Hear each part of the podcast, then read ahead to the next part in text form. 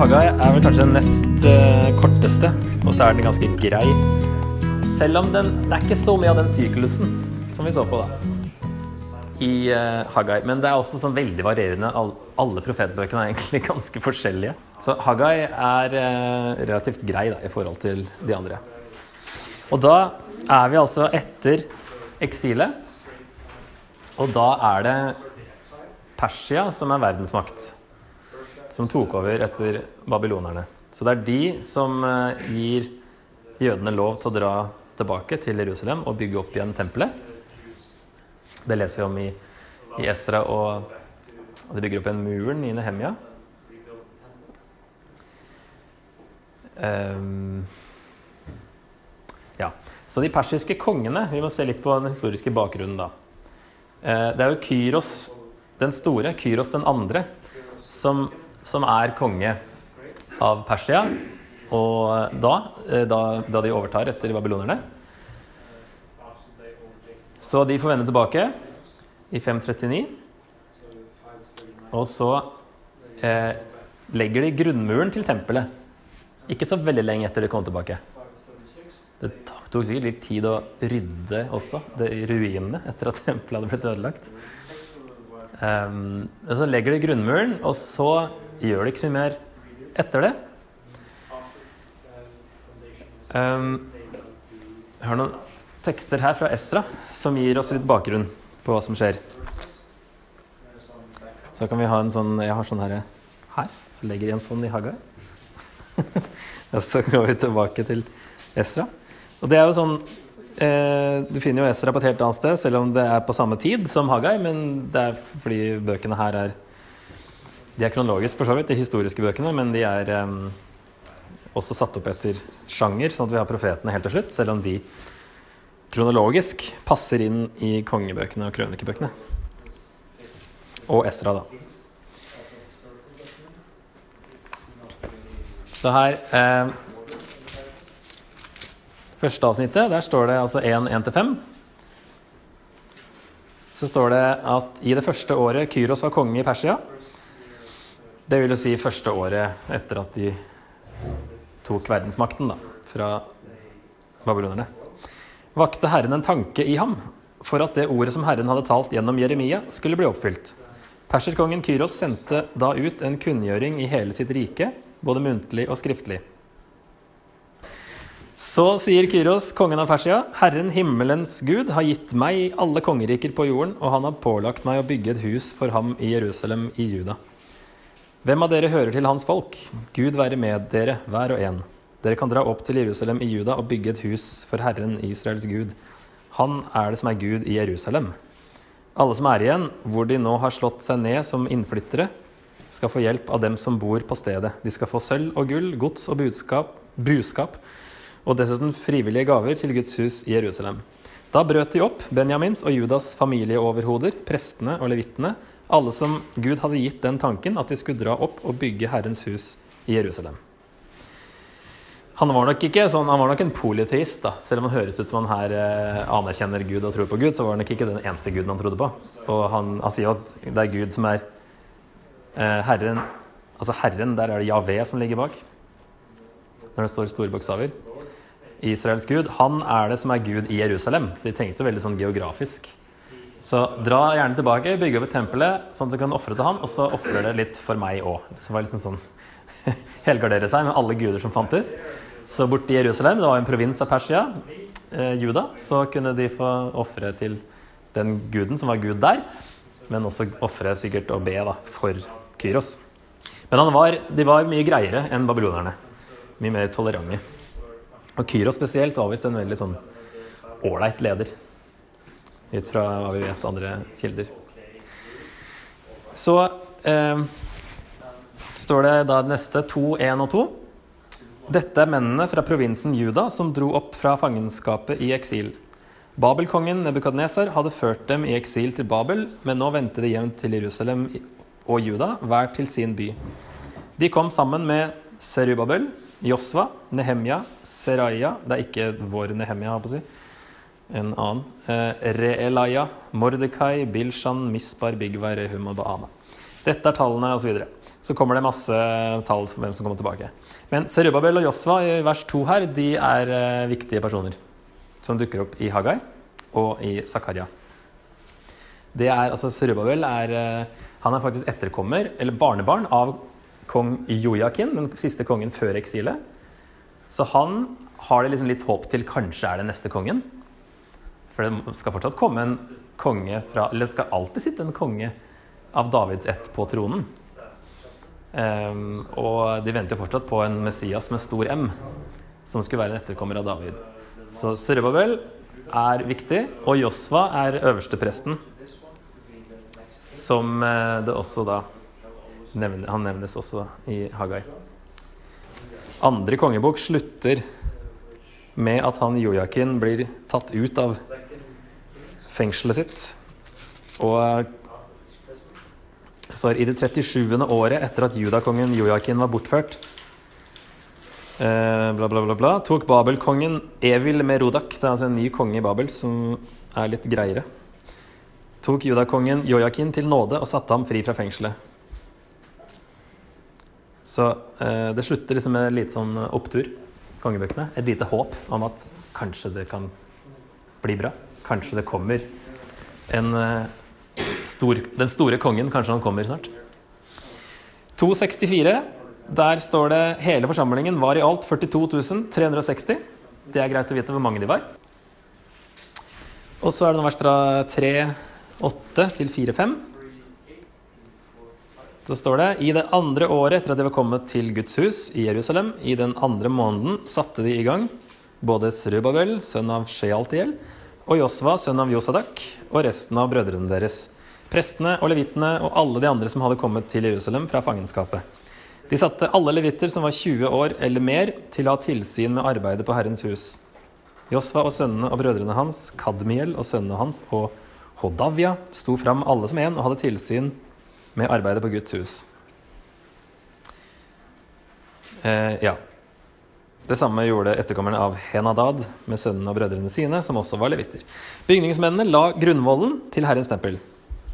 Så stilte prestene seg opp i fullt skrud med trompeter, og levittene, Asafs sønnene, stilte seg opp med symbali for å prise Herren, slik Israels konge David ville. Uh, ja, så står det uh, ja, de, Ok, vi leser alt, da. De stemte i med lov og takk til Herren. Han er god, evig varer hans miskunn mot Israel. Og hele folket jublet høyt og lovet Herren fordi grunnvollen til Herrens hus var lagt. Men mange av prestene, levittene og familieoverhodene som var så gamle at de hadde sett det første tempelet, gråt høyt da de så det tempelet som nå ble grunnlagt. Andre jublet høyt i glede. Det var ikke mulig å skille de glade jubelropene fra folkets gråt. For folket jublet så høyt at det hørtes vidt omkring. Så de få som var gamle nok til å ha sett Salomos tempel, syntes det her var ganske stusslige forhold. Når de legger grunnmuren og ser hvor det her kommer ikke til å bli noen ting i forhold til det. Og så kommer det motstand i første avsnitt i kapittel fire her. Motstanderne til Juda og Benjamin fikk høre at de som hadde vært i eksil, holdt på å bygge et tempel for Herren Israels Gud. Da gikk de til Serubabel og familieoverhodene og sa, la oss bygge sammen med dere. For vi dyrker den samme Gud og har ofret til ham helt siden asyrerkongen Asar-Haddon førte oss hit. Men Serubabel, Josva og resten av familieoverhodene i Israel svarte dem nei, vi kan ikke bygge et hus for vår Gud sammen med dere. Alene vil vi bygge det for Herren, Israels Gud, slik perserkongen Kyros har påbudt oss. Folket i landet tok da motet fra Judas folk og skremte dem fra å bygge. De betalte kongens rådgivere for å motarbeide byggeplanene så, så lenge perserkongen Kyros levde, og helt fram til Dareios ble konge i Persia. Så her da skal vi se etter hvert hvor lenge det er. Men ehm, her blir det trøbbel. De får lagt grunnmuren, og så kommer motstanderne, eller de motstanderne som de andre folkeslagene rundt, og eh, hindrer dem og skremmer dem. Og de sender, de betaler kongens rådgivere for å motarbeide byggeplanene så lenge Kyros lever. Det er ikke sikkert Kyros får høre noen ting om det her. Det var ganske stort eh, perserrike. Og han var han som hadde sagt at de skulle gjøre det, men de klarer jo tydeligvis å bestikke disse rådgiverne til å hindre planene, og samtidig kanskje holde det skjult for Kyros. Så i hvert fall fra 536, fra grunnmuren ble lagt, så blir de eh, hindra. Eh, og så neste kongen, Kambyses den andre. Han, da stoppa det fullstendig da han ble konge, i hvert fall, vet vi fra Josefus. Så fra 530 sto det helt stille. Det var sikkert motstand, og de prøvde kanskje, eller kanskje det stoppa helt allerede i 536. Eh, men eh, i hvert fall når eh, Det var vel sønnen til Kyros. Da når han tok over, så ble det full stopp. Så har vi en konge til som ikke regjerte så veldig lenge, som het Gaumata, og som ble også kalt for pseudo-Smerdis, fordi han påsto han var Smerdis, som var visstnok broren til Cambyses den andre, eller et eller annet som han hadde drept, eller et eller annet sånt. Så han skulle liksom prøve å ta tronen, da. Eh, men eh, det gikk ikke Han regjerte kanskje så vidt, men det gikk ikke så lenge. Og så er det Dareios den store, Dareios den første, eller Darius som han het før, som regjerte lenge.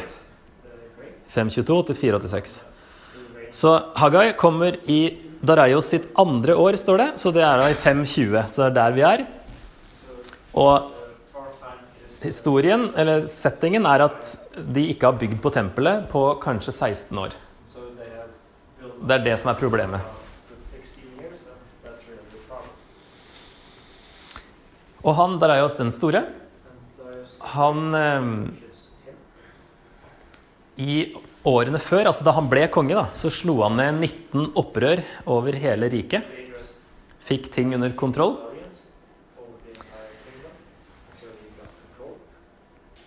Skal vi se I 520, altså det, det står i Estra, det også, så ble han advart om gjenoppbyggingen. De, de sender brev til han. Han leter i arkivene og finner ut at å ja, det her fikk de lov til. Mange konger tilbake. Så det, det må ikke hindre dem, sier han. Um, og så blir tempelet ferdig i 516.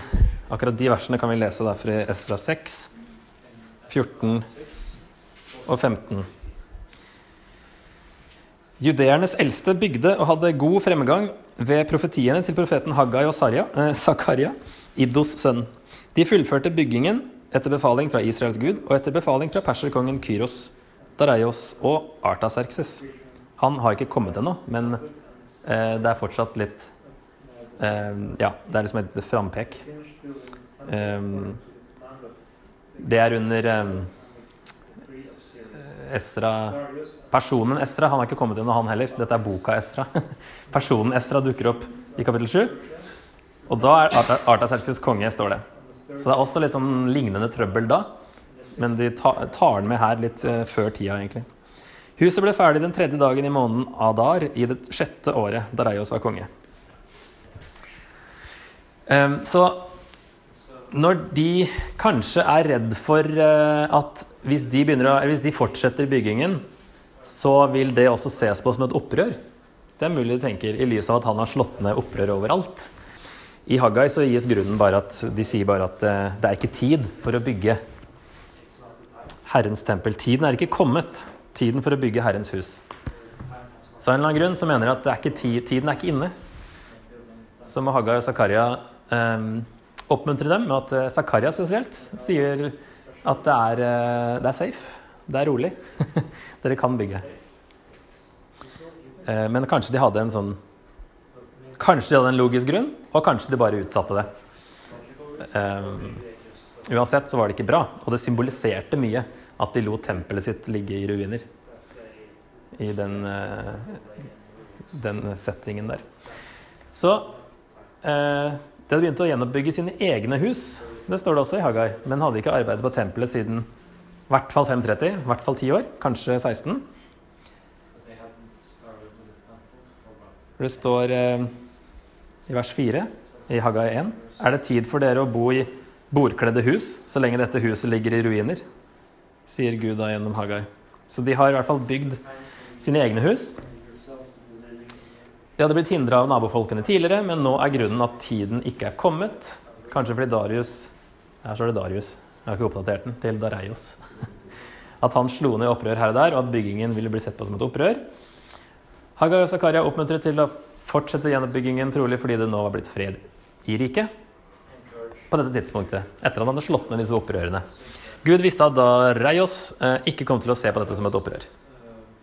Derfor oppmuntrer han dem gjennom profetene til å eh, fortsette byggingen. Så vi skal se nærmere på Hagai sikkert etter en liten pause. Men eh, en eh, kort struktur, så kan vi se at det fi, kommer fire budskap. Det er ganske korte budskap, for det er en ganske kort bok. Um, så vi skal se på alle fire, håper jeg. Ikke, ikke på samme måte alle sammen, men jeg håper vi klarer å komme innom alle sammen.